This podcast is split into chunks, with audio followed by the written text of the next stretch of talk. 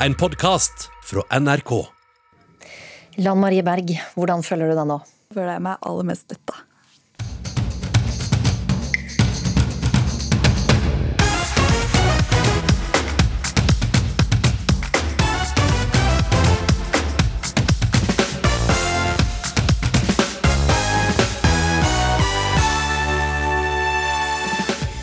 Kan se ut som alt preller av på tidligere Oslo-byråd Lan Marie Berg. Fra mistillit i Oslo sikter hun rett mot Stortinget.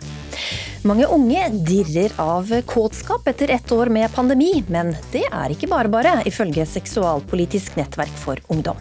Jeg tror det kan være litt terskel å liksom hoppe opp på den hesten igjen og skulle begynne å både pule, men også liksom gå ut og date igjen. Da. Så vi sendte Ukeslutts single reporter på blind date. Lille kattepus, hvor har du vært? På drapstokt i et fuglereservat, kanskje? Nå må pus gå i bånd, mener fugleelskerne. Vi skal også minnes Snåsamannen her i Ukeslutt, sammen med to som hadde sterke opplevelser med ham. Det har vært litt av et drama på Oslo rådhus den siste uka. Hele byrådet måtte gå etter at bystyret vedtok mistillit mot byråd Lan Marie Berg. Men det ser ut som Berg selv bare rister det hele av seg og går bestemt mot sitt nye mål, Stortinget. Lan Marie Berg, velkommen til Ukeslutt. Tusen takk for det. Altså, du kom jo som helt fersk politiker rett inn som byråd i Oslo. Hvordan var det nå å måtte gå ut av rådhusdøra for siste gang? Nei, Det har jo vært litt av en reise. og da jeg ned, Det siste jeg pakka ned fra kontoret mitt i går, det var de lederne som ble skrevet rett etter at vi lanserte byrådserklæringen i 2015. Og Det var veldig rart å tenke på alt det som har skjedd siden det. Alt det vi har gjort. Alt som har skjedd både personlig for meg i mitt liv, men også i byen vår. Da. Så egentlig så var det litt, det var litt fint. Har du blitt litt tøffere på disse åra? Ja, altså, Jeg har jo aldri, drømte jo aldri om at jeg skulle bli politiker. Jeg er egentlig ganske konfliktsky og ganske sjenert. Og det å være politiker er å ha veldig mange mennesker veldig tett på deg og være i mye Måtte stå i noen stormer eller være liksom, uenige og i konflikt noen ganger. Og det har jeg jo blitt vant til. Men samtidig så er det ikke noe som falt veldig naturlig for meg. Nei. Hvordan er det å, å stå i konflikter? Hva, hvordan opplever du det? Men nå føler jeg jo på mange måter at det er lettere å sortere hva som på en måte er personlig uenighet, og hva som er hvis noen er, kanskje er litt ufine, som også kan skje. Og at det er lettere å sortere det, og det syns jeg er bra. For at hvis, hvis, man er uenig, så er det greit å få diskutert det, men at man skal gjøre det på en ålreit måte. da. Så, så synes, nå syns jeg det går mye bedre. Vi har hørt med en venninne av deg, Karianne Isaksen, om hvordan menneske Lan Marie er, og dette her er litt av hva hun sa. Hun er kanskje ikke den som tar mest plass, men at hun er den som ler mest. Og har skikkelig sånn fjollete og teit humor. Og noe annet som, som også er litt gøy, er at hun er skikkelig nerd. En ting som jeg syns var veldig gøy, var når hun var litt sånn nyfrelst klimaaktivist, så gikk hun veldig all in og skulle slutte med fly og kjøtt og alt det der. Og så var hun på et tidspunkt litt usikker på om det var greit å ta heis. Eh, og, men da skulle hun til bunns eh, i utslippstallene for heis og kunne konkludere med at heis var greit. Og kanskje godt å kunne ta heis i Oslo rådhus? Ja, jeg, tror, jeg, tror, jeg prøvde å ringe en eller annen sånn Enova eller noe. tror jeg prøvde å ringe på et tidspunkt for å høre om det var greit å ta heis.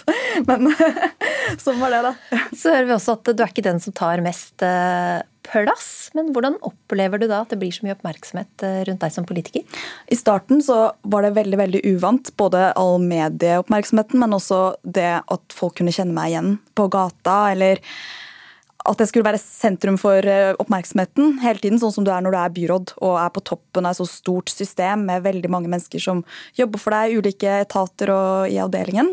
Så det var veldig uvant, og jeg ble veldig sliten av det. fordi jeg er også litt introvert, så jeg trenger egentlig alentid. Så i starten så var det jo bare helt kaos i hodet mitt, og jeg måtte ligge i helgene så måtte jeg noen ganger bare ligge rett ut i et mørkt rom alene for å kunne klare å være klar for mandagen. Men nå går det mye bedre. Så jeg har på mange måter trent opp den muskelen, og på en måte kanskje blitt litt mer ekstrovert òg. Hvordan har du da kommet deg gjennom denne uka her, som må ha vært ekstra intens? Ja, nei, det har egentlig gått bra. Jeg har jo funnet en del teknikker for hva man må gjøre når det er så intenst. Eh, du må sørge for å få sovet nok, og så må du sørge for å få spist nok. I hvert fall litt. Eh, og så får man på en måte prøve å ta én dag av gangen. Eh, og det har vi gjort, og det har gått så bra som det kunne. Mm. Men har det påvirket deg? Det er klart at det gjør det, og jeg skal jo ikke late som det ikke er litt vemodig også å gå ut av Oslo-politikken. Og jeg hadde ikke planlagt at det skulle skje akkurat på den måten her, selv om jeg nå stiller til stortingsvalget og er klar for valgkamp. Eh, så er det jo klart at det er vemodig, og det er også rart å tenke på å på en måte gi slipp når vi har bygd opp det sterke prosjektet som vi har i Oslo. Men samtidig så er det så veldig mange mennesker i Oslo-laget som er klart å uh, ta over. Kjempemange flinke folk, uh, og som kan drive det prosjektet videre også sammen med Arbeiderpartiet SV framover. Og så handlet det her jo om da, ikke sant? Du var ansvarlig for den største kostnadssprekken i Oslos historie. Føler du selv at du har lært noe av den saken som du tar deg med videre som politiker? Og det er helt sikkert mange ting jeg kun, uh, har lært, og som jeg vil også prosessere de neste dagene og ukene og sikkert i lang tid framover òg, når det kommer til en type dynamikk som kan oppstå. Men jeg tror jo at det som vi var veldig tydelige på, alle byrådspartiene, var at det mistillitsforslaget som ble stilt, uh, var veldig syltynt. Uh, og vi kunne ikke la oss herse med Rødt og Frp på den måten, og det er jeg veldig glad for. Jeg tror på mange måter at laget også kommer styrka ut av det. Mm.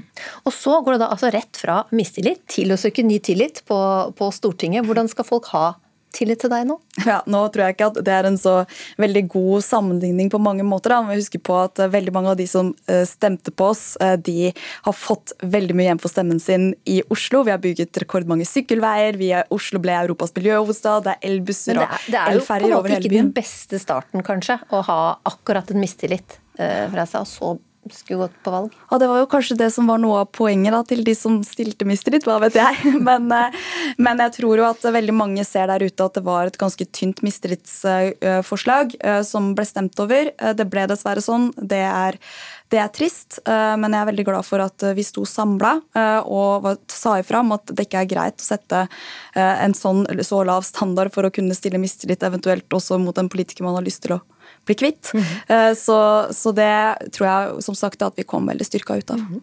Så nå er det din tur til å levere i barnehagen, tvitra mannen din. Blir det noe fri nå?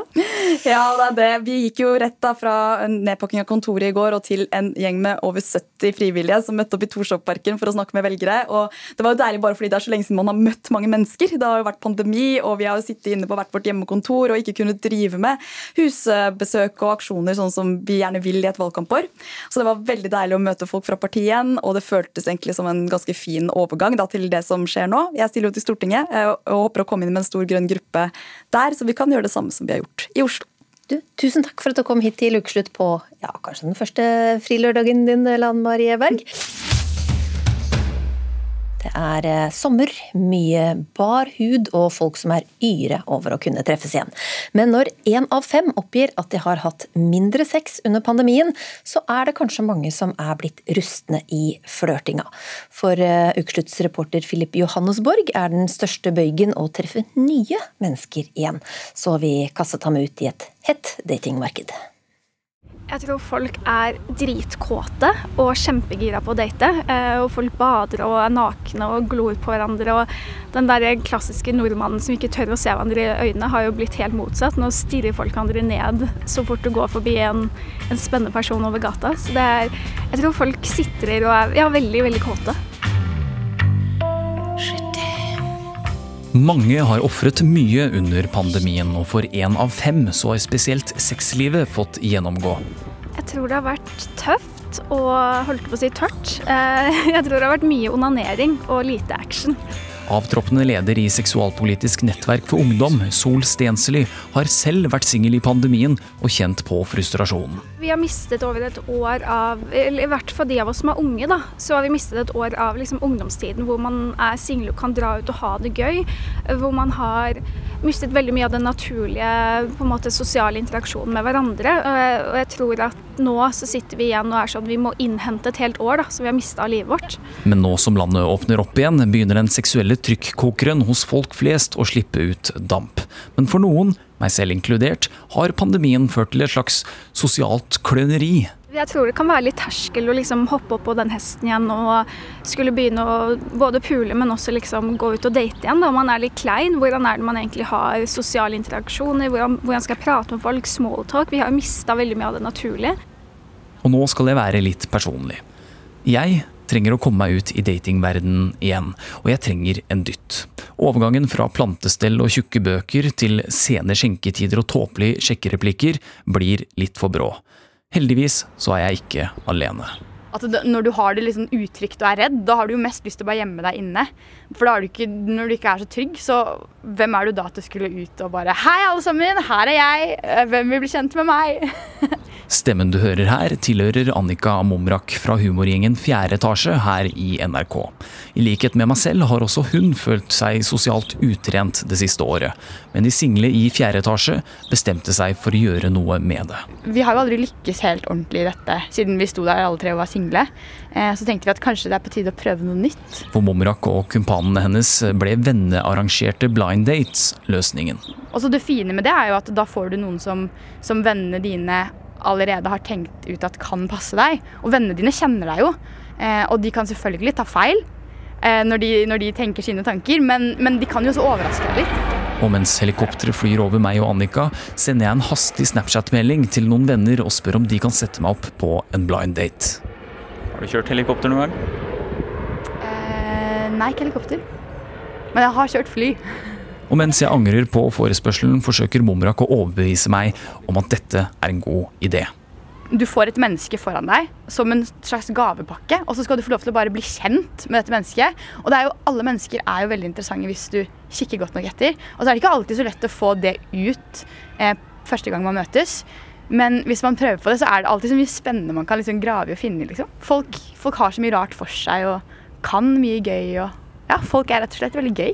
To minutter tar det før gladmeldingen kommer. Jeg må spørre, Hva er det du har eh, satt i gang nå, Heather? Altså, Du eh, er jo interessert i en date, så jeg har jo satt i gang en date og funnet eh, ja, kan du si, en av mine nærmeste venninner. Hva heter hun? Sofie. Så hun er jo da ingeniør. Eh, hvordan eh, stiller hun seg til uh, tilfeldig sex på første date? jeg vet ikke om jeg får lov å uttale meg om det på radio på hennes vegne. Det tror jeg du må spørre henne om selv hvis du er eh, interessert. Og med det spoler vi oss frem til et utested i Oslo dagen etter, og jeg er minst 20 minutter for tidlig ute. Jeg merker at jeg er litt sånn stressa. Litt. Ett minutt før tiden kommer Sofie syklende. Jeg har allerede forsikret meg om hvordan hun ser ut gjennom å se på Facebook-profilen hennes, og opptaket, det går. Philip, jeg vet ikke om vi skal hilse klemme hva som helst. Vi kan jo bare gjøre sånn her. Sånn, da. I koronastil. Hyggelig. Kan ikke du sette deg Ja, hvor du vil, egentlig. Ja, dette begynner jo fint. Hvordan går det? Er ikke det en fin åpning? Går det fint? Ja. Det ser opplagt ut og klar. Ja, jeg syns det. Ja, det er så bra. Så bra. Kleint. Hva er det du driver med da? Ja. Eh, jeg jobber. Oi, gratulerer. Ja, takk. Mm. Jeg jobber faktisk som daglig leder i en liten gründerbedrift. Det kommer seg nå, tror jeg. Sofie og jeg klarer i hvert fall holde det gående en god stund, og vi er innom temaer som planter, avløpssystemer og det kapitalistiske samfunnet. Og etter en heftig spørsmålsrunde om hennes masteroppgave om hvordan gonoré sprer seg, så spør jeg henne. Ja, Sofie, hvor kleint syns du dette var? Det var egentlig ikke så veldig kleint, og det gikk jo veldig bra. Fordi du er veldig hyggelig, og så Jeg vet ikke, det var bare veldig naturlig stemning, egentlig. Litt senere, på ubestemt tid og ubestemt sted, sier vi ha det til hverandre. Sofie skal tross alt på fisketur med hun som arrangerte denne blind daten, og jeg skal klippe denne saken. Men hvordan gikk det sånn egentlig? Én ting er hva du sier til en person du nettopp har møtt. En annen ting er hva du sier til din beste venninne litt senere på kvelden. Derfor fikk jeg min kollega til å ta opp praten. Da jeg kom, så hadde han på partneren. Okay. Og da var han sånn Hei, Sofie. Nei, han sa sånn Hei, eh, Philip hyggelig. Og så ga han til meg, og da var jeg sånn Sofie, hyggelig. Og det gjorde vi kanskje sånn tre ganger totalt. Ja, ok. Eh, og det gikk jo greit, men jeg følte jeg pratet veldig mye om meg selv, og han stilte spørsmål, så det ble på en måte sånn intervjuaktig. Ja, ok, jeg skjønner. Men så sa han ok, nå tror jeg vi har nok, og så skrudde han av, og da hadde vi jo en superhyggelig date. Og tiden gikk superfort. Og min kollega Heather får nå æren av å spørre spørsmålet alle nå stiller seg. Og det ble ikke sex på første date. Nei, heldigvis. Nei da. Ja, men det har jeg bestemt meg for å ikke gjøre. Men jeg spurte om han ville ha klem på slutten av daten, og det ville han. Er det innafor nå? Ja, men fordi vi startet hele daten med å gi albue. Fordi han var sånn Hva gjør vi nå? Hei, hei, klem eller ikke? Jeg var sånn, Nei, jeg tror vi må gi koronahilsen, sånn albuegreier. Og så på slutten så sa jeg sånn Vil du ha en klem, Filip? Og da var han sånn Ja. Vi er jo ikke hardt nå. Så får vi se da om det blir en date nummer to på unge Johannesborg. Vi skal til en amerikansk småby og en litt sliten politietterforsker i HBO-serien Mare of Easttown. What do you do, Mayor? I'm a detective. A detective? You don't have any bodies hidden under your porch, do you? Uh, not yet, no.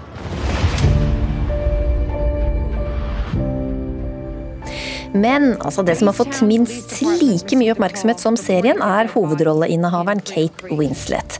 For det skapte overskrifter da det ble kjent at hun satte foten ned da regissøren ville fjerne uflatterende bilder i en av seriens seks scener. Den snart 46 eh, år eh, gamle skuespilleren sa i intervjuer at hun ville at seerne skulle se rynkene rundt øynene hennes og det ekstra laget på magen. Shazia Majid, kommentator i eh, VG. Det er noe veldig trist og noe veldig fint over den panegyriske hyllesten av Winslet, skriver du i en eh, kommentar. Hvordan da? Det som er fint, er jo at vi kan se en normal eh, aldrende kvinne eh, i en så stor eh, serie eh, rett ut fra Hollywood som normaliserer eh, kvinner i den alderen, med rynker og alt av bagasje de har. Det som er trist, er jo at altså Hyllesten viser jo hvor lite vi ser av det.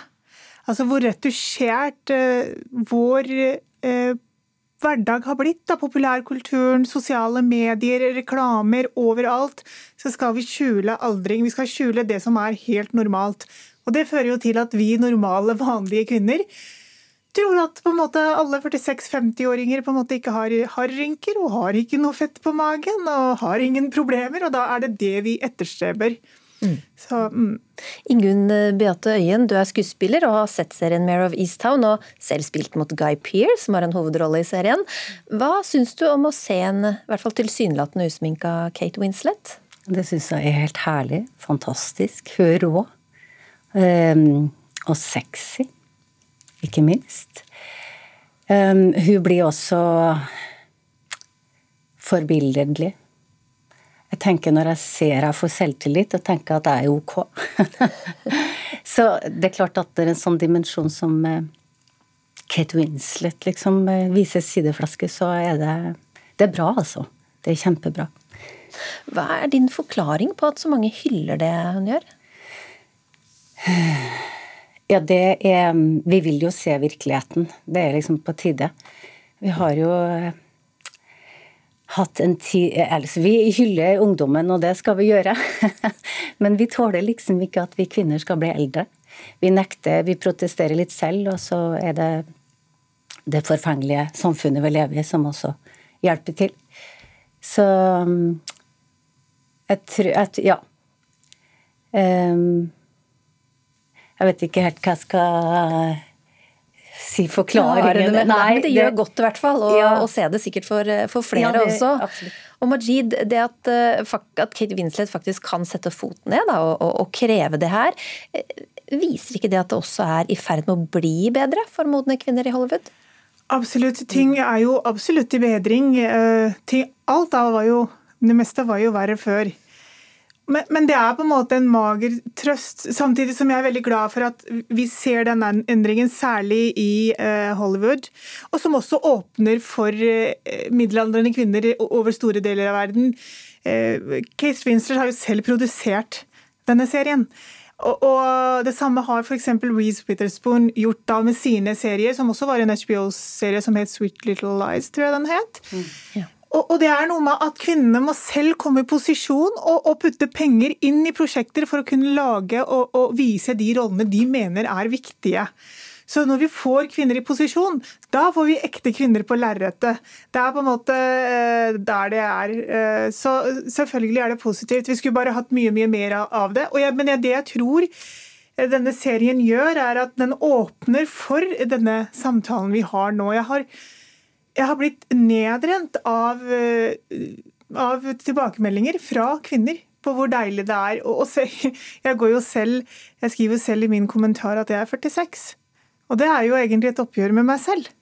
Fordi det er ikke lett for kvinner da å si det, selv om det er bare å google meg. Men mm. det er ikke mange som gjør det. Du vil jo helst ikke. Og hvorfor er det sånn? Så jeg var sånn nei, nå.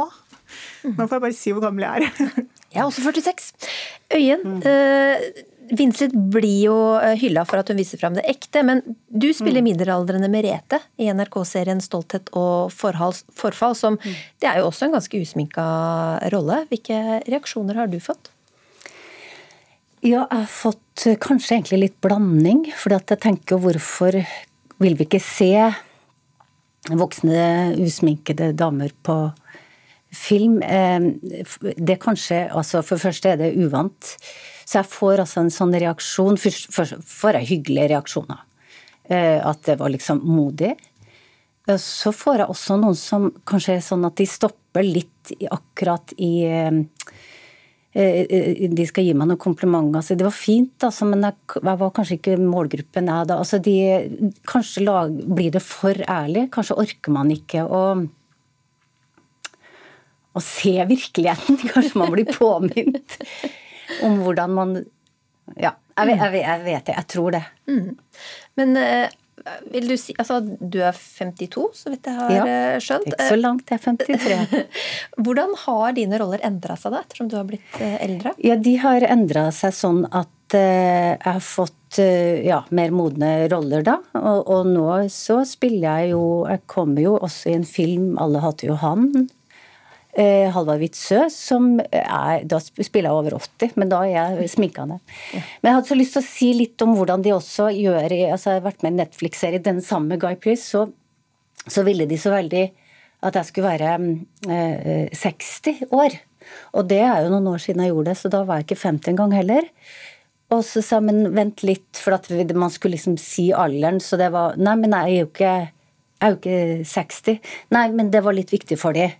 Nei, men stopp en halv. Eh, og da, da blir det jo akkurat det der at, de, at jeg er Å, hun er 60. Jøss, så ung hun ser ut. Sånn driver de på også. Mm. Ja. Hvem er det? Jeg fikk det ned litt i alder. Ja. Men sånn midt imellom, tror jeg. Jeg vet ikke, Hva tenker dere om hvem er det som har ansvaret da, for at det blir sånn, og at Hollywood sånn leverer produktet til oss, liksom? Er det, vi, er det vi seere? Er det vi som ikke vil ha det heller? Voksne kvinner? Jeg tror jeg tror at, fordi det har jeg fått mer, mange reaksjoner på. på en måte, hva, hva, kan vi gjøre? Hvem skal gjøre noe her? Mm.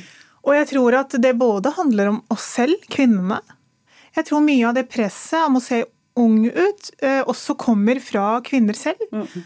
En sånn form for intern eh, sosial kontroll.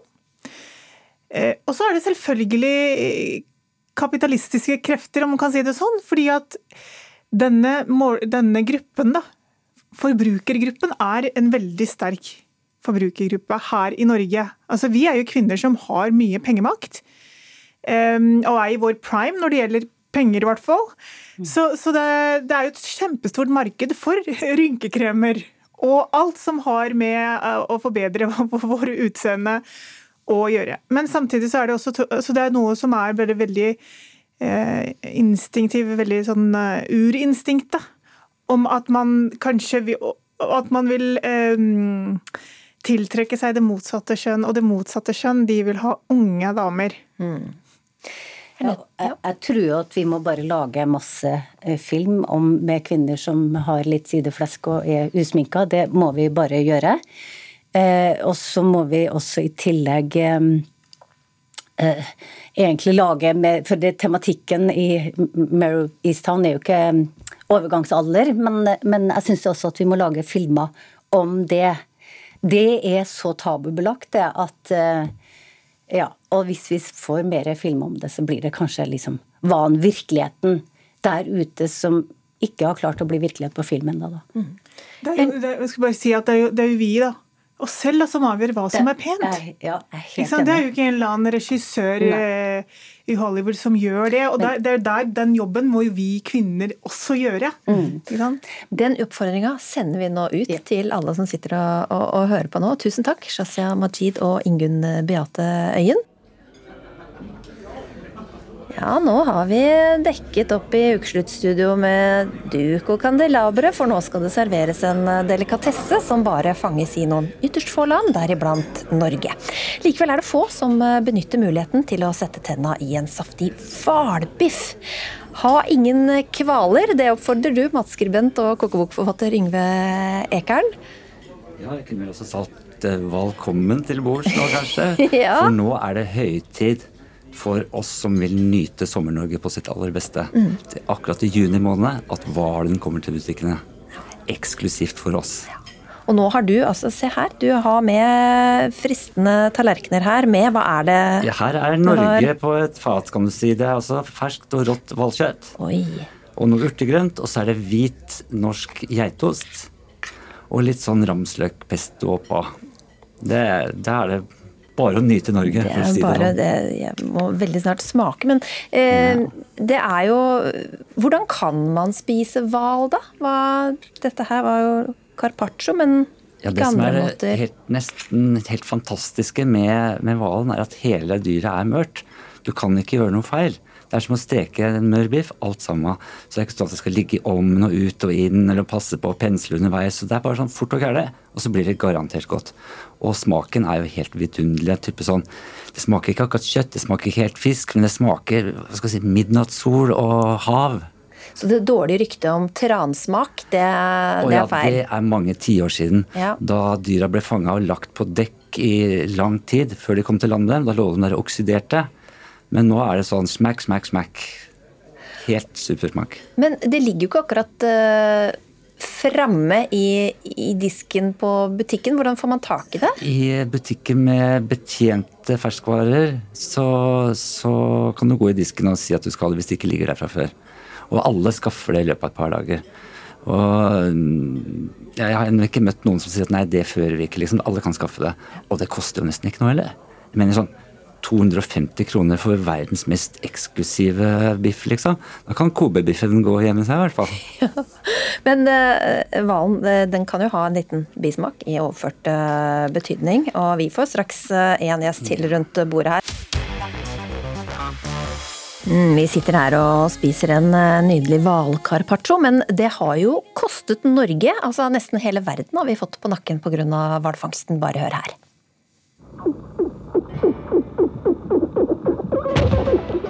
Han er momentant død. EF-parlamentet fordømmer det norske vedtaket om å ta opp igjen kommersiell hvalfangst. Greenpeace sier de har fanget den norske hvalbåten Nybrenna. Vi kan lage til litt budulje og litt eh, holloi her ute og få kanskje et fjernsynsteam til å ta opp og vise noen bilder, men å stanse oss, det har de ikke noen mulighet til å gjøre. Sånn som jeg liker det, så eh, kan jeg tenke meg en, en fin biff stekt, eh, bare tynne skiver, bare i full fart, litt på hver side, og så eh, ei tørr brødskive på tallerkenen under, og så kjøttet oppå. Da er det virkelig noe som smaker. Ja, nå har vi fått en gjest til rundt bordet. Benedicte Lund, du er stortingskandidat for Miljøpartiet De Grønne. Og du kan få smake du også, men bør vi spise hvalkjøtt? Jeg skal ikke moralisere over hva den enkelte person eh, mener om den saken. Men eh, MDG som parti sier, har landa på, etter eh, mye og god diskusjon internt i partiet, på at nei, vi mener at det er feil. Ja, Hvorfor er det feil? Vi mener at hval er ikke lenger en sånn type vesentlig del av vår diett at vi må. Vi klarer oss godt uten. Og vi har fått økt kunnskap om både hvalen som dyr, de ulike artene innenfor hvalfamilien, og at da, da er, når vi ikke må, så trenger vi ikke å gjøre akkurat det. Vi trenger ikke å gjøre oss uvenner med verken verden eller de hvalene det angår, eller i det hele tatt den etikken som ligger rundt oss. Så vi har valgt å si nei. Mm. Eh, Yngve Ekern, du er kokken bak maten her. Det er, jo bare, det er jo bare vi og et par andre land som driver med hvalfangst, og resten ser på oss som barbarer. Hvorfor er det viktig at vi skal Heldigvis så har jo den internasjonale protestbevegelsen stilna betraktet. Nå sier Benedicte at vi behøver liksom ikke å spise hval, men det er ikke mange tiår siden de ble oppfatta som forbrytersk å spise hval. Men den tida er definitivt forbi. Og det er ingen store miljøorganisasjoner som er imot det lenger. Ikke MDG, eller i hvert fall ikke nordpå. Så det er mye som har skjedd, og det er vi glad for, vi som verdsetter f.eks. bærekraftig mat. Det har jeg vært opptatt av i mange år, og jeg må si at hval er noe av det mest bærekraftige vi kan ha i oss. Av en bestand på rundt 150 000 vågehval, som er den arten vi spiser, så tar vi ut 500 av dem. I fjor var det 503. Vi har en kvote på nesten 1300, men det som nesten egentlig burde vært gjenstand for internasjonal kritikk, det er jo at vi spiser så lite av det, egentlig. Vi har lov til å spise 1200 dyr, men vi spiser bare 500. Det syns jeg er synd. Fordi dette er et dyr som har levd i frihet, og som lever i pakt med naturen. Ikke snakk om innhegninger eller noen ting. Så kommer vi og tar det. Pang med en granatharpun. Pang borte. Og så kan vi nyte det, og det er sunt også. Er du enig i det, Lund? At det er dyrevennlig? Nei, det er jo fangstmetodene er jo en av de tingene som vi setter stort spørsmålstegn med. Um, og vi har ikke stilt spørsmålstegn ved om vi er i ferd med å utrydde vågehvalen. Det er det ingen som tror. Det er, vi, det er, snakk, er ikke snakk om blåhval, eh, som vi nesten klarte å utrydde. Så utrydningsdelen av spørsmålet er i hvert fall for vågehval ikke viktig. Men dette med fangstmetoder, ja vel, man kan si at eh, er det 80% av dyra som dør ganske umiddelbart. Det er snakk om å bruke en harpun med en sprengladning på, sånn at dyret dør av de sjokkbølgene som det da blir påført. Men det er ganske mange som ikke gjør det. Eh, og man jakter på drektige dyr, eh, diegivende dyr. Eh, man er tross alt fra båt med harpun i store flytende vannmasser. Det er ikke noe vanskelig å se at det ikke er så lett. Og så har vi det aspektet med at hval er nå en gang en annen type. Mange hevder høyerestående enn mange andre arter som vi jakter på eller spiser.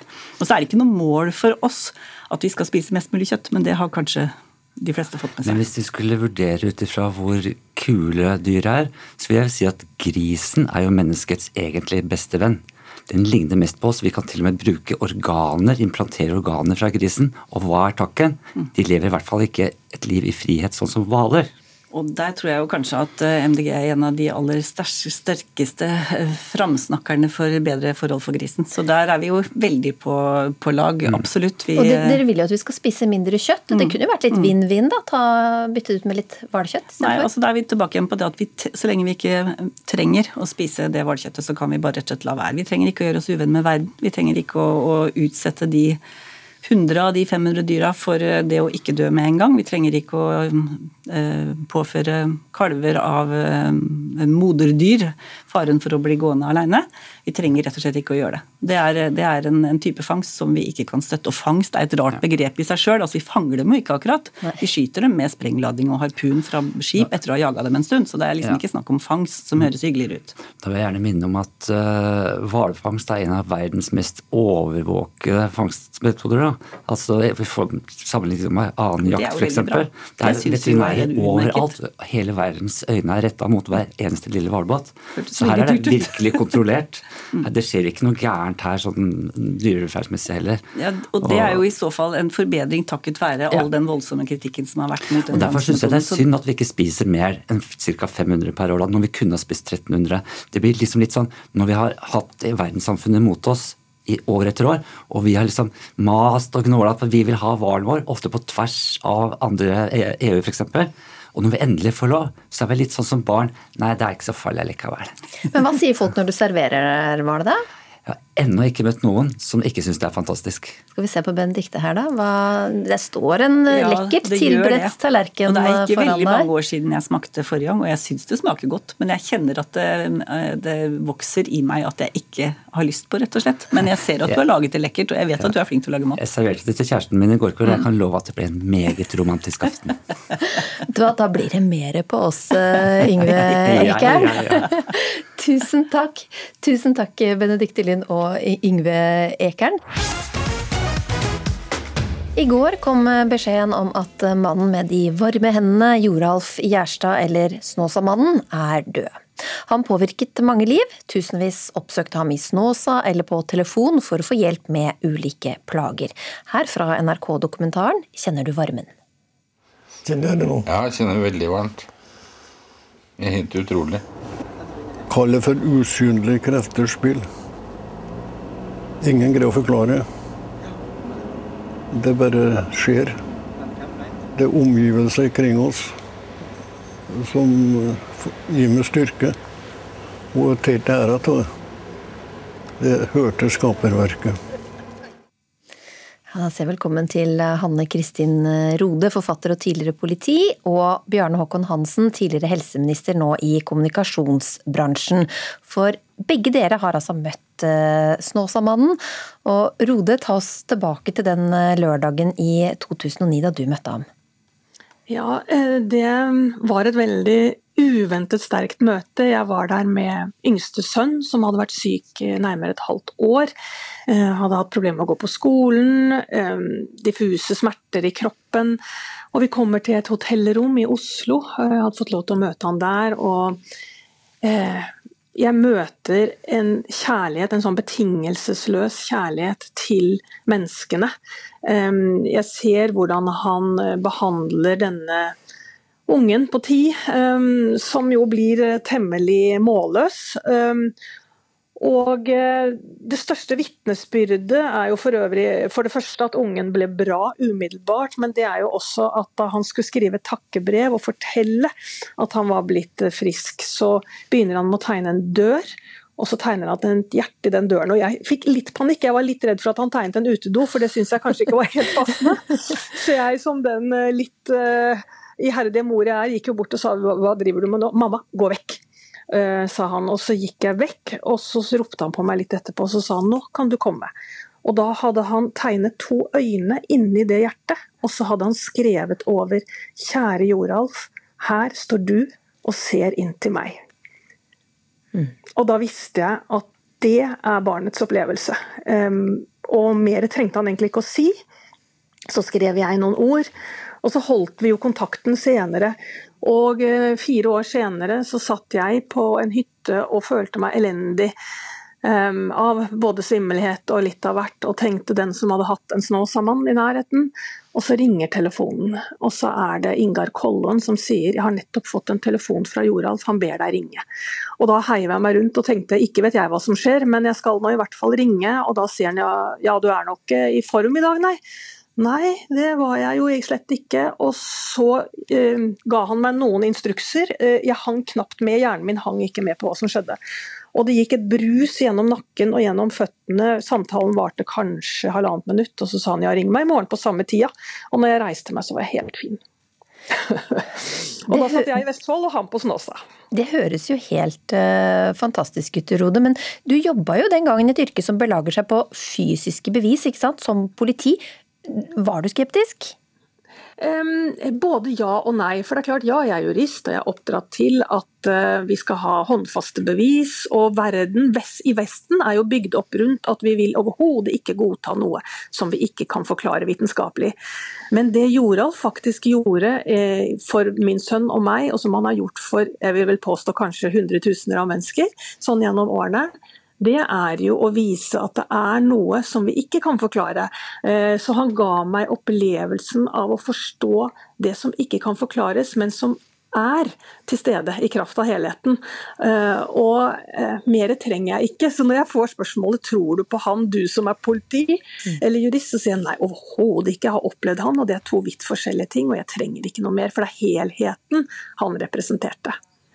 Bjørn Håkon Hansen, i likhet med Rode så har du også vært i kontakt da, med Snåsamannen angående sønnen din. Fortell om det.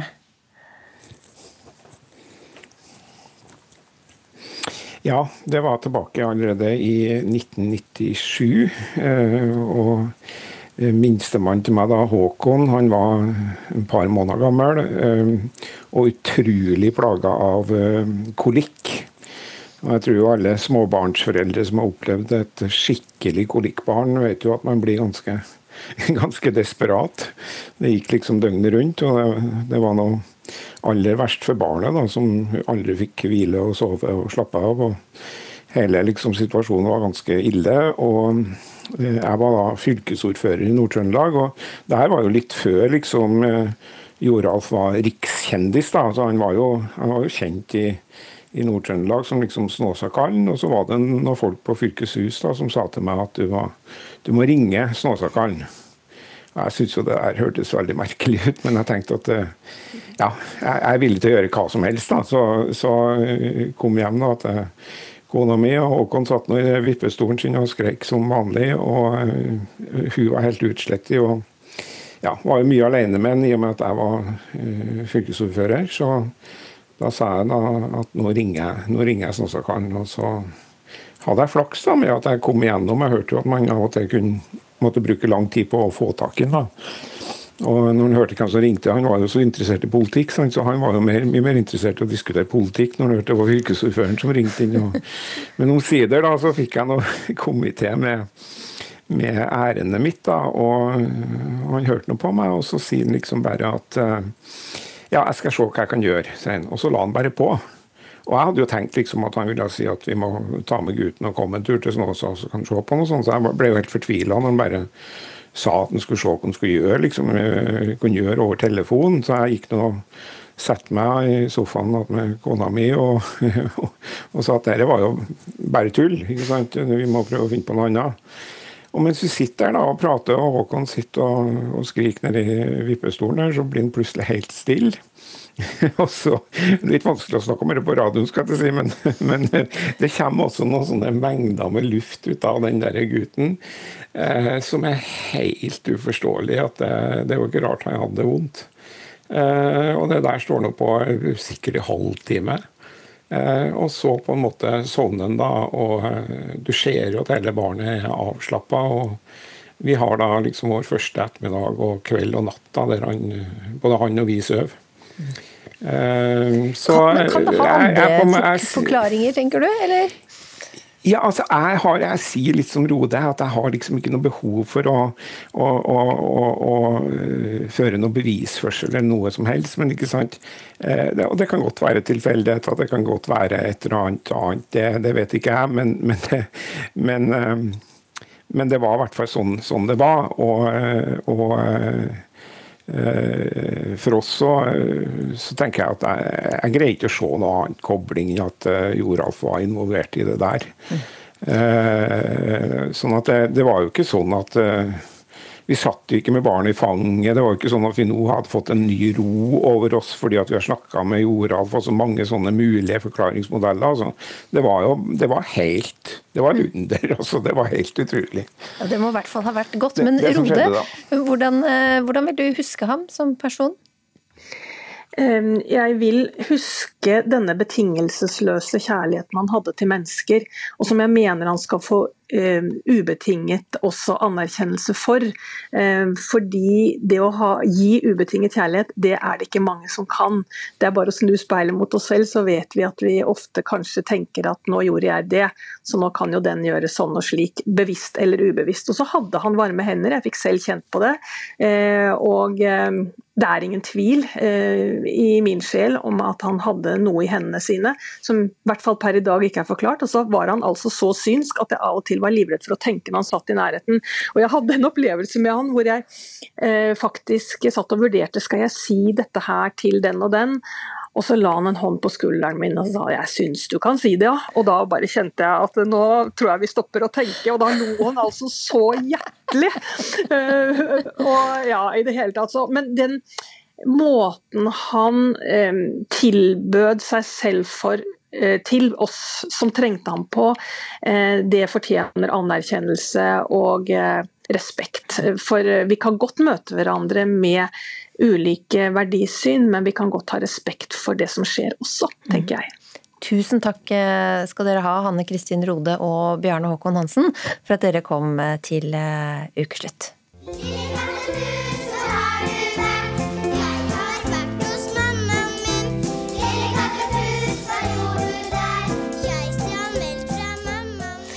Ja, Hva ville katteeieren sagt om hun visste at den søte lille kattepussen hennes nettopp hadde gått amok i et reir og tatt en rødlista fugleunge eller to?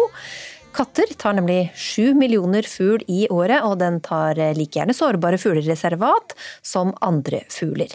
Nå vil Norsk ornitologisk forening ifølge Aftenposten ha båndtvang for pus. Men eh, er det mulig å temme katten? Det ville reporter Kari Li finne ut av. Aina Stormos rødstripete katt kommer når hun lokker. Kom. Ja, flink gutt. Der. På selene kan du gå. Og katten godtar at Stormo fester på en sele. Det er ikke vanskelig å se at han Jesper syns det er gøy å gå på tur. Han tusler i vei foran meg på stien her med rumpa til værs, faste skritt av gårde. Stormo bruker sele og bånd når hun tar med Jesper, som er blitt kjendis på sosiale medier, på tur. Når de er hjemme på gården på Løten, går katten løs. Han har faktisk en sånn radius på 15 km som han eh, kan pløye over på en dag, og det er utrolig stort territorium. Stormo har festa GPS på katten. Det er derfor hun veit hvor han er. Men veit hun hva han spiser? Ser ut som det er utkanten av åkra og musa gnagere han rett og slett et på vift på og sjekka ut. Og om det er fugl, det veit du ikke?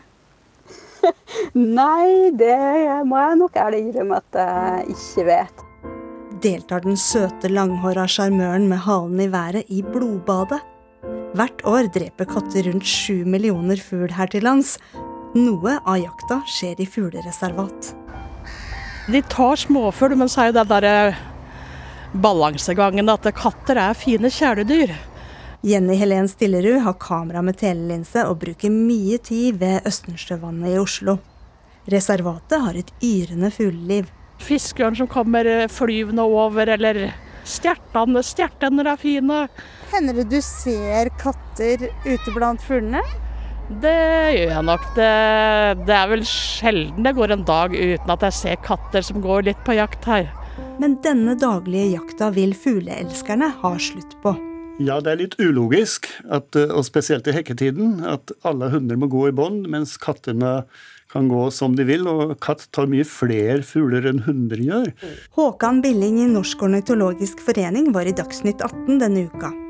Foreningen vil ha båndtvang for katter som bor i nærheten av fuglereservat. Du har jo ikke katt for noe formål annet enn at det skal være koselig for deg sjøl. Mm. Og da kan den like så godt gå i bånd som du gjør med hunden? Ja, jeg syns egentlig det. jeg er såpass vant til det her, og jeg vet jo at det her kommer hvert eneste år. Men jeg, jeg, jeg kjenner jo på liksom, stemninga i kattemiljøet, at de er veldig frustrert og, og syns det er kjipt at det kommer. Aina Stormo, som i tillegg til å være matmor for Jesper, også leder Norsk Huskattforening, er litt oppgitt over kravet om båndtvang. Det er få katter som er like glad i sele som Jesper. Det blir ikke noe hyggelig for katten å bli pålagt å skal ha det i bånd, rett og slett. Hva med å henge bjelle på katten? En katt sitter jo i ro når jakter, og kan sitte i ro i flere timer og i dager og i uker. på fuglen blir liksom vant til katten, og så er han såpass nært en eller annen dag at katten gjør bare ett byks, så har han den. Og det vil si at en bjelle fungerer jo ikke i det hele tatt, for katten sitter jo i ro når den jakter. Men du, hvor er kattene dine nå? De ligger under et tre her borte i skogkanten og syns det er forferdelig varmt. Katter er jo flotte dyr, og stor forståelse for de som velger å ha katt. Men det er altså ikke så veldig god idé å slippe ut katt ved et fuglereservat. Amund Kveim står på ei brygge ved Østensjøvannet i Oslo. Kveim leder Østensjøvannets venner, og merker at bydelen stadig får flere to- og firbeinte innbyggere. Hvis man sier at det er 50 000 mennesker som uh, bor i gangavstanden til dette her, og at uh, ja, la oss si at 20% av husstandene har en katt, så betyr det at ja, potensielt så kan 1000 katt ha Østensjøvannet eller Østensjøområdet miljøpark innen sin jaktradius, og det er ganske mye. Tilbake til Jesper, den rødstripete katten med 130 000 følgere på sosiale medier, som går i bånd eller med GPS. Hvor mange fugler har han på samvittigheten? Uh, jeg vet at i vinter, og da tror jeg nok at det var en, en dompap som var litt syk. Uh, for han har observert den på nettet, og den kom han med, da. Så den har han tatt i vinter. Uh, ellers så er det veldig veldig lenge siden jeg har sett han har tatt fugl, faktisk.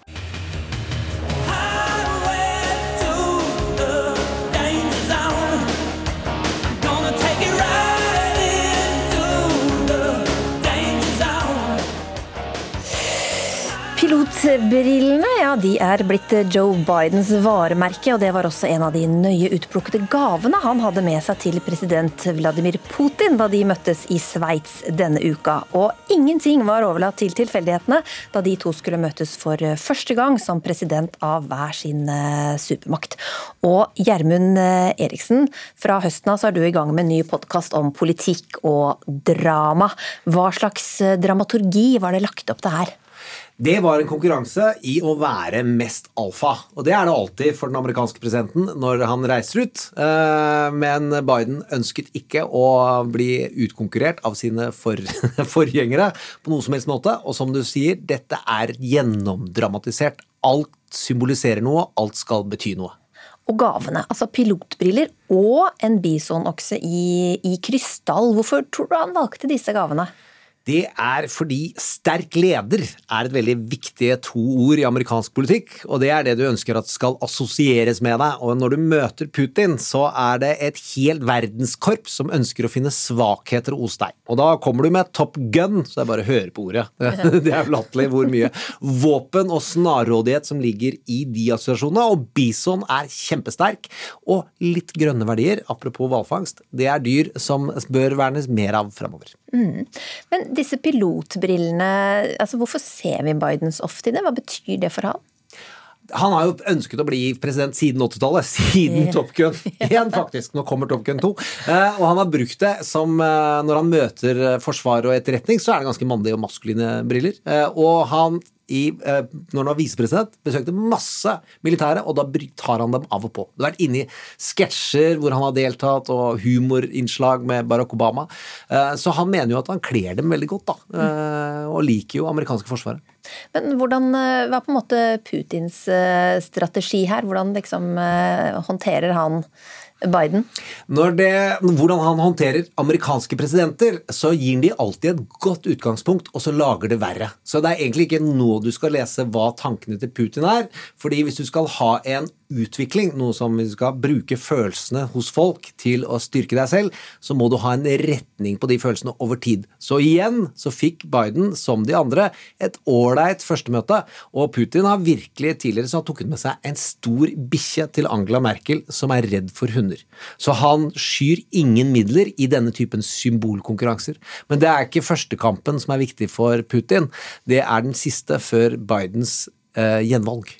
Ja, Så han får liksom, prøver han å få de til å liksom senke skuldrene litt da, på første møte, og så slår han til senere? Ja, og det er de tre, tre forrige bomma. Det er jo å si nei, men når jeg snakka med han, så virka han mye mer sånn. Altså At de gjorde sånne innrømmelser at nei, nå tror vi ser noe heldig nå. Og der har Biden lært. Han sa har lave forventninger, og jeg mener jo at han er en drapsmann og en lurendreier, men akkurat nå virka han ikke helt i det modus. Så han la jo ikke lista kjempehøyt for seg selv.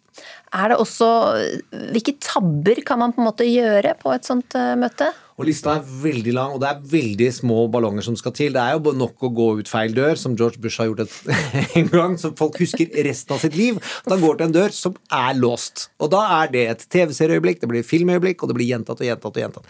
Eh, og så kan du forsnakke deg. Camela Harris sa én feil setning, som det fikk mer oppmerksomhet at hun sa én feil setning i amerikanske medier de siste 14 dagene, har fått mye mer negativ oppmerksomhet enn det Biden klarte der ute. Så målt mot det, så klarte denne altfor gamle presidenten seg relativt godt. Og så kom Biden med noen sånn småtrusler òg mot uh, Russland. Han var litt han var aktiv-aggressiv, vil jeg si. At eh, ja, jeg hører du ikke driver med cyberangrep, uh, og det driver jo egentlig ikke vi med heller. Men hvis vi gjør det, så vil du merke det godt. Det er en dårlig skjult trussel.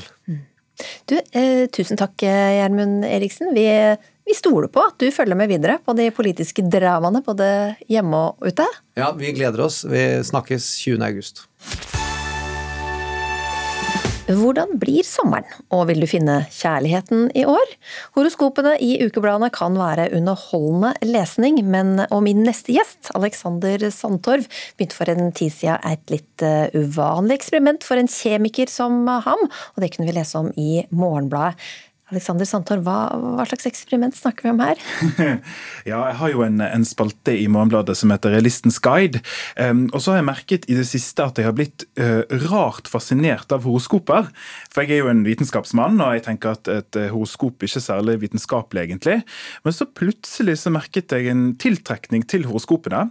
Og da bestemte jeg meg for, som den vitenskapsmannen jeg er, å gjøre et eksperiment hvor jeg leste mitt eget horoskop hver eneste dag i en hel måned. Og det ble veldig spennende, men òg overraskende. Ja, ja det, og, og, den overraskelsen det skal du få fortelle litt om. Men akkurat nå da, så er jo ikke sant, ved alle butikkhyllene er fylt over av blader som reklamerer for horoskop, basert på hvilket stjernetegn du er. ikke sant? Eh, noen elsker det, leser det slavisk. Andre vet knapt hvilket tegn de er. Hvordan vil du plassere deg selv før du gikk inn i det her? Nei, Jeg måtte jo nesten slå opp hvilke tegn jeg var, da, så jeg er nok den sistnevnte kategorien. Eh, og jeg har nok tenkt på horoskop som noe tull, jeg, tror jeg. Eh, og noe som, eh, som jeg ikke har hatt så mye tilknytning til før. Så det var jo veldig spennende å sitte så dypt inn i dette med horoskop hver eneste dag, da. Hva, hva, kan du si om deg selv, da, etter å ha lest stjernetegnet ditt hver dag? Nei, altså, jeg kan si mye fint om meg sjøl. Ja. jeg kan si at jeg er positiv, eh, og jeg kan si at jeg er eh, flink med mennesker. Eh, at jeg tramper litt av og til rundt meg, og at jeg tar litt plass. Snart så skal du få treffe astrologen som har skrevet alle horoskopene som du leste. Og hun har også stilt ditt horoskop basert på din fødselsdato og når på døgnet du ble født, og hvor du ble født. Er du spent? Jeg er så spent at det er så vidt jeg klarer å sitte på stolen. At vi svever i det blå, det er stjernenes makt. Det er slik det måtte gå, det har stjernene sagt. Det som hender, hva vi gjør, står i stjernenes makt. Når vi fødes, når vi dør, det har stjernene sagt. Ja, her hørte du The Key Brothers med slageren 'Det har stjernene sagt' fra 1961. For det handler om astrologi her i Ukeslutt. Du hørte nettopp kjemikeren som begynte å lese horoskopet sitt daglig, og fikk seg etter hvert en overraskelse. Og vi har fått en til med her, som også skal få høre om overraskelsen. Solhvitt Jonassen, det er altså du som har skrevet horoskopene som Alexander har lest. Du er astrolog i KK. Hva, hva syns du om Alexanders eksperiment? Jo, jeg, jeg, jeg, visste jo ikke om det da, så når jeg leste det og fikk det tilsendt, så tenkte jeg sånn ja, OK, wow. Litt overraskende. Men eh, jeg leste gjennom det, og så tenkte jeg sånn um, Det var et kreativt eksperiment, og eh, det var litt søtt. Eh, morsomt. Mm. Så, ja. Mm, og så er det jo eh, tolv eh, stjernetegn, og du skriver da horoskop som skal passe for alle de som leser kvinner og, og klær. Hvor, hvor, mye kan man egentlig si når det må være så generelt? Ja, det er jo det, vet du. ikke sant? Altså, det er jo et, eh, et lite sånn dilemma en har når en skal jobbe med astrologi, er jo hele tiden skal jeg ta på meg en sånn jobb, for jeg forstår jo det er jo en begrensning i formatet. Uh, som jeg smertelig klar over. Um, så det er jo Ja, det er jo veldig generelt, ja. Det er jo absolutt uh, sant. Men du kan si noe. Um, mm. Og så er det jo bare snakk om å klare å tolke det, da. Fordi at uh, et fødselshoroskop og et soltegn er to forskjellige ting, da. Akkurat. Det skal vi jo komme litt uh, tilbake til. Men Alexander Santor, du ble jo overraska over resultatet av ditt eget eksperiment. Hvordan da? Nei, altså Det jeg så da når jeg hadde lest uh, Sols horoskop um, en hel måned, det var at det endra litt måten jeg tenkte på dagen min på. Fordi det jeg gjorde i eksperimentet mitt, det var at annenhver dag så leste jeg det på morgenen, annenhver dag så leste jeg det på kveld. Jeg er jo vitenskapsmann, eh, tross alt. Og da så jeg altså at jeg begynte å tenke på dagen min på en litt mer sånn reflekterende måte. Uh, og liksom ble litt overraska over at det var så positivt, på en måte. Uh, det føltes så godt, fordi horoskopene sier alltid noe pent. Og nå vil jeg ikke at det skal gjøres ut som livet mitt er deprimerende, men i løpet av en dag så er ikke det så mange komplimenter å få alltid. Eh, og det var så deilig at det var liksom en positiv kraft der som jeg kunne liksom lese om hver dag. Ja, Hvor viktig er det, Sol, at det du skriver er eh, med et positivt fortegn? Jo, det er kjempeviktig. For meg er det veldig viktig. I og med at jeg er klar over begrensningen i formatet, så tenker jeg sånn OK, hva, hva, er intensjonen min i dette arbeidet? Hva kan jeg gjøre? Hva kan jeg gjøre? Og jeg har jo lenge vært opptatt av at bevissthet, selvbevissthet særlig, da, eh, kan være en nøkkel i forhold til å kunne skape mer harmoni og fred på denne jordkloden vi lever på. Mm. Um, og når jeg da fikk muligheten, så, så, var jeg litt sånn Tenkte litt over det. Ok, hva skal jeg gjøre for noe? Fordi at Altså, hvordan kan jeg hjelpe? Og det, det, er intensjonen min, basically. Mm. Men så er det jo sånn, det er jo ingen vitenskapelige undersøkelser som gir støtte til at stjernene faktisk kan påvirke hvem vi er. Hvordan begrunner du at horoskopene likevel kan ha noe for seg? Ja, det er jo den der eh, Altså det er jo fryktelig mange astrologer på denne jordkloden, og noen av de er veldig overbevist om at det går an å bevise astrologi. Um, andre forstår kompleksiteten vi, vi står overfor, og, og, problemet med metodikk, og har på en måte bare gitt litt opp. Um, og tenker at uh, kanskje er det ikke nødvendig å uh, bevise det for uh, vitenskapsverden, fordi at vi ikke påstår at det nødvendigvis er en vitenskap det, det, er andre paradigmer som kan være interessante å, å, å studere, som f.eks. Ja, jungians synkronisitet og sånne type ting som, som eh, beskriver den indre verden på en litt annerledes måte, og som ikke nødvendigvis er så fryktelig enkelt å bevise. Mm. Eh, Alexander Sandtorv, på din Facebook-side så harselerer jo flere av vennene dine med horoskoper. Det er en som sammenligner det med Lotto, sier at det er vill, vill gjetting. Hvorfor er det så utenkelig at eh, stjernenes posisjon kan ha innvirkning på hvem vi er og hvordan vi har blitt? Nei, altså det er jo, eh, Hvis vi skal se gjennom en vitenskapelig linse, så er jo det fordi at mekanismene for det her er ikke kjent for verken naturvitenskapen eller psykologien eller sosiologien. At disse himmellegemene skal ha påvirket oss på noen som helst måte, er jo på en måte helt uvitenskapelig. Og Derfor er jo det sånn at det å gjøre narr av for, for, en vitenskapsmann det å gjøre narr av horoskop er veldig enkelt og, og lettvint, men jeg syns det er litt kjedelig. Det er liksom blitt så utstudert, og litt sånn som Sol sier. så ok, Kanskje det er andre ting der som er mer spennende enn den vitenskapelige biten, hvis vi bare er enige om at det naturvitenskapelige aspektet ikke er gjeldende. Og Det var jo nettopp det jeg lærte i eksperimentet mitt. Mm. Eh, Sol, du har jo sett litt nærmere på horoskopet til Aleksander. Alexander. Eh, du har fått tidspunktet for når og hvor han ble født osv. Hva, hva kan du lese ut av det? Jo, jeg tenkte jo, jeg var litt sånn jeg skal på radioen og møte en skeptiker. Jeg bare åh, dette blir skummelt. Men så så jeg på horoskopet hans og tenkte jeg sånn det er ikke mulig, det går ikke an. Fordi at vi har noen forbindelser som er mer altså som jeg, jeg, gikk og tenkte på. Hvorfor møter jeg aldri noen skytter? Jeg har lyst til å møte noen skytter. Jeg treffer aldri noen som er født i skittenstein. Og jeg har basically ganske god oversikt over hvor og når folk er født, da, ikke sant? og de som er, omgir med meg. Eh, og det er et viktig punkt i mitt eget horoskop. Så plutselig så, så jeg det at Alexander har solen sin akkurat på det punktet som jeg dager i forveien hadde gått og lurt på hvorfor i all verden jeg aldri møtte folk som ja, var født akkurat der, da. Så en skytt um, Dette møtet var meant to be? Exactly. ikke sant? Da-da. Men clouet er jo det at, at det, det, spiller inn et, altså, veldig mange andre arketyper, såkalte arketyper, eller det vi også kan se som planeter. Og Alexander er født en, en, en, en dag hvor uh, prinsippet Uranus sto i veldig tett uh, forbindelse med hans sol i skytten, og Uranus er høyere bevissthet. Det er Høyere intelligens kaller vi det egentlig. Det er det vi liksom har som en slags sånn ja, eh, forklaring til hvordan den påvirker et menneske. Og det vil jo være litt mer sånn Um, en person som uh, tenker veldig fort, er veldig kjapp i huet.